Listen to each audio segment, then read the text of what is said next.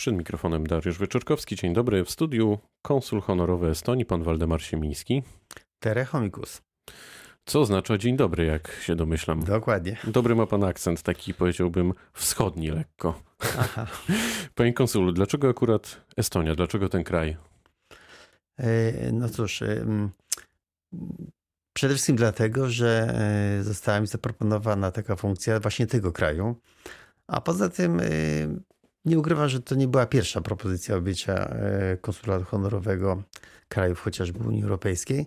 Natomiast był pewien zbieg okoliczności, który jakby też mnie skłonił do tego, żeby na ten temat w ogóle rozpocząć rozmowy, bo konsulem nie zostaje się tak po prostu, nie, nie może zostać konsulem, bo się chce, tylko dlatego, że spełniają się pewne warunki i otrzyma się taką propozycję.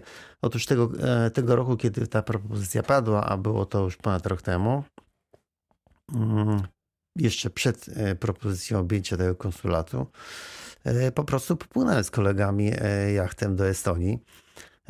I, I, żeśmy sobie zwiedzili ten kraj. Zwiedziliśmy wyspy, zwiedziliśmy dwa miasta.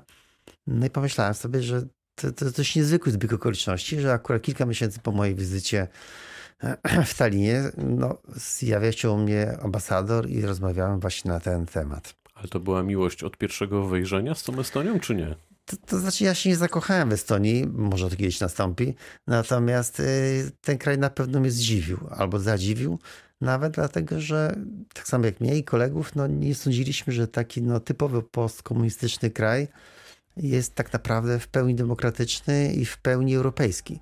E, jego rozwój cywilizacyjny, szczególnie w branżach e, IT, no przewyższa nie tylko nasz kraj, ale też wiele krajów europejskich. Rozwój kulturalny i społeczny w tej dziedzinie również jest na wysokim poziomie. I chodziłem po tym Talinie, rozmawiałem z ludźmi i stwierdziłem, no, no proszę, jest kraj, o którym tak mało wiedziałem, a okazuje się, że tak zaskakuje. Czyli wcześniej pan niewiele wiedział o Estonii samej przyznam, sobie. Że, przyznam, że nie. Traktowałem Estonię jako Republikę Radziecką, którą pamiętam, ja przynajmniej ze szkoły. E, natomiast jakby nie interesowałem się tym krajem. Wiedziałem, że to jest kraj bałtycki, wiedziałem, że tam są jakieś wpływy germańskie. Chyba to wszystko, co na ten temat wiedziałem. Jakie pan e, przed sobą stawia zadanie jako konsul? Co chce zrobić, osiągnąć? E, no jako biznesmen chciałbym e, doprowadzić do podstawowej formy współpracy. To znaczy, uważam, że biznes jest zawsze wtedy e, dobry, kiedy obydwie strony są z niego zadowolone. Dużo możemy uzyskać jako społeczeństwo od, od Estończyków, no, chociażby w zakresie technologii informatyzacji społecznej. Tam od lat już na przykład nikt nie chodzi do urzędu. Tam już w 2002 roku obywatele mieli elektroniczne dowody osobiste, co niezwykle ułatwia życie społeczne. E, tam ta informatyzacja jest jakby na każdym kroku i wszędzie, e, wszędzie dostrzegalna.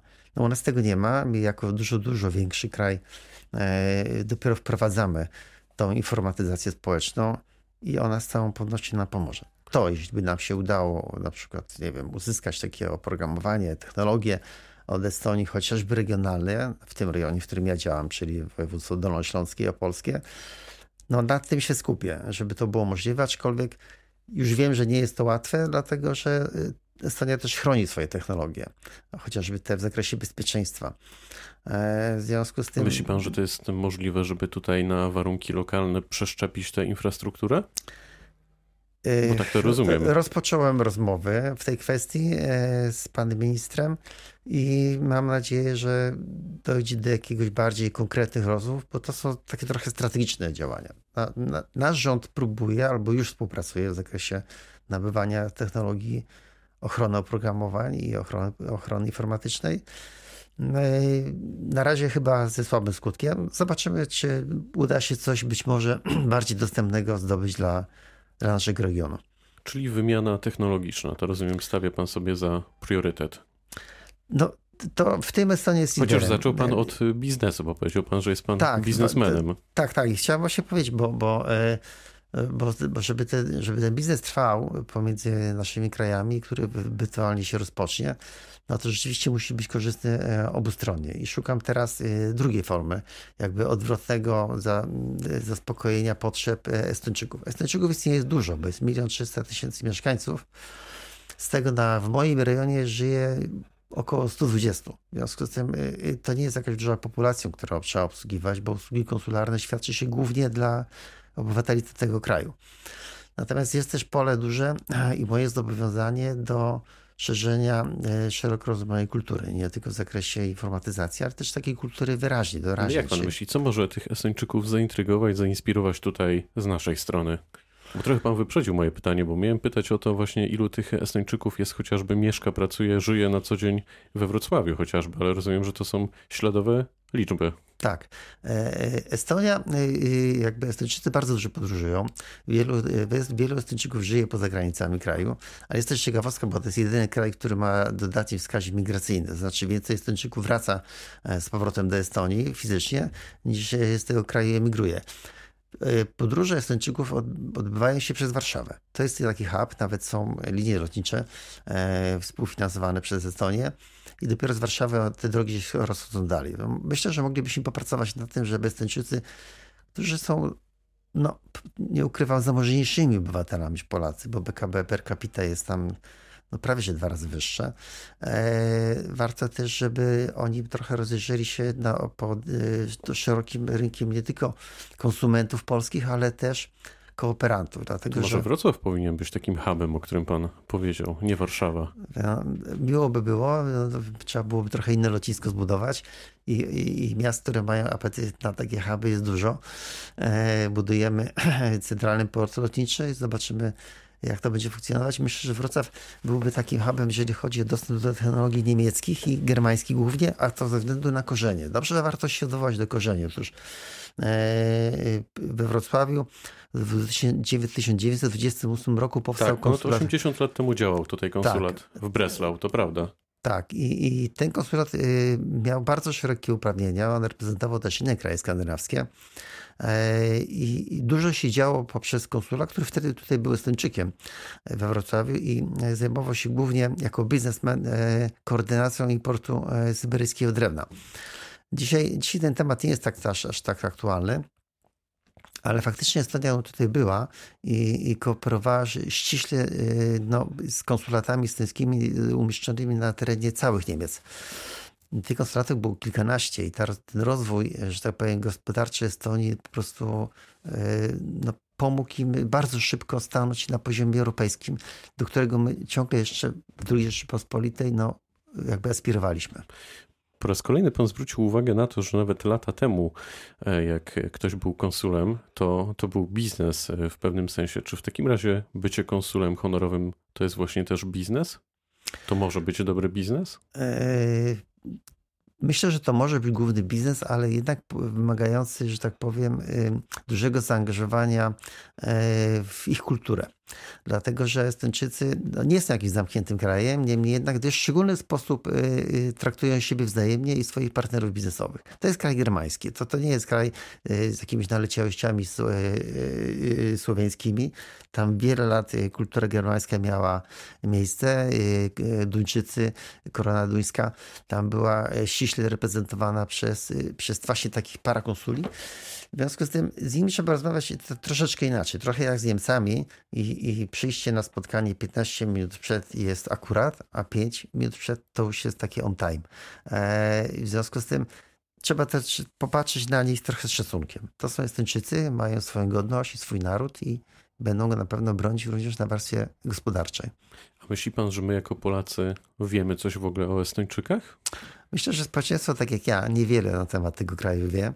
No, A co powinniśmy wiedzieć? Moją rolą, y, no, no, no, powinniśmy wiedzieć, że, że, to są, że to są ludzie, którzy, e, którzy mają swoje społeczeństwo już od, od, od, dawna, tak? którzy walczyli też o swoją, o swoją przyszłość. Polska jest bardzo zbieżna z Estonią, bo w tym samym czasie odzyskaliśmy niepodległość i w tym samym czasie powrócił do nas demokratyczny ład. W związku z tym rozwijamy się jakby równolegle. Jesteśmy przez nich postrzegani jako bardzo bliscy bracia. Polacy są tak, Polacy są bardzo dobrze postrzegani przez Estończyków e, i e, jakby trzymamy się po ich stronie. Natomiast jesteśmy no, no 40 razy większym krajem i oni też mają do tego szacunek i dystans. Mieszkańcy Talina właśnie na przykład mają prawo do darmowego korzystania z komunikacji miejskiej. Myśli pan, że to jest możliwe w Polsce albo chociażby może przede wszystkim we Wrocławiu? Ja myślę, że to nie jest nawet kwestia finansowa, to jest kwestia polityczna e, i z pewnością takie rozwiązanie może być e, zastosowane. Oni mają wiele przywilejów e, darmowych i, i, to, i to nie wynika z tego, że się im te pieniądze rozdaje, bo, no bo w całym świecie, w Estonii też, to, to jest taki ważki temat, który mogę odkryć, no, bywa poruszany przy, przy na przykład kolacjach jak się rozmawia na temat e, programu 500+. Tak? No, Hiszpanii to jakby pierwszy raz słyszałem, mówią, jest u kuli takie powiedzenie money for nothing. E, jakby nikt tego nie rozumie, tak? To znaczy lepiej jest dać darmową komunikację, niż dać pieniądze na tą komunikację. No, no, tak po prostu na świecie jest. No to może pan się zaangażuje w taki projekt? Ja, ja nie jestem politykiem, nigdy nie byłem, nie zamierzam być, natomiast jako działacz samorządowy, samorządu gospodarczego, e, no, no mogę, mogę podsuwać politykom takie pomysły. E, natomiast nie sądzę, żeby one były w sposób szczególny rozpatrywane. A powinniśmy pana zdaniem wprowadzić euro, tak jak ma to miejsce w Estonii od kilku lat? Oczywiście, jak najbardziej jako przedsiębiorca i biznesmen no, no powiem, że marzyłbym o tym, żeby tak się stało. Bo?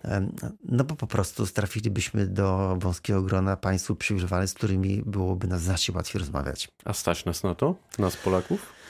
Myślę, że ten temat, czy, czy nas stać, czy nie, na ten temat jakby nie, nie należy rozważać. Nie należy tego liczyć, dlatego że korzyści wynikające z bycia w strefie euro nie są wbrew pozorom wyliczalne wprost finansowo. To nie da się przeliczyć wprost na, na złotówki. Oczywiście można podać, że masa udrożenia, można podać, że coś stanieje albo coś tam przybędzie, ale trudno społeczeństwu wytłumaczyć korzyści polityczne i gospodarcze z bycia w tym gronie państw. To jest po prostu, jeżeli ktoś tego nie rozumie, no to, to sorry, no to myśli zupełnie inaczej. A gdyby miał pan wymienić takie trzy najważniejsze korzyści, krótko?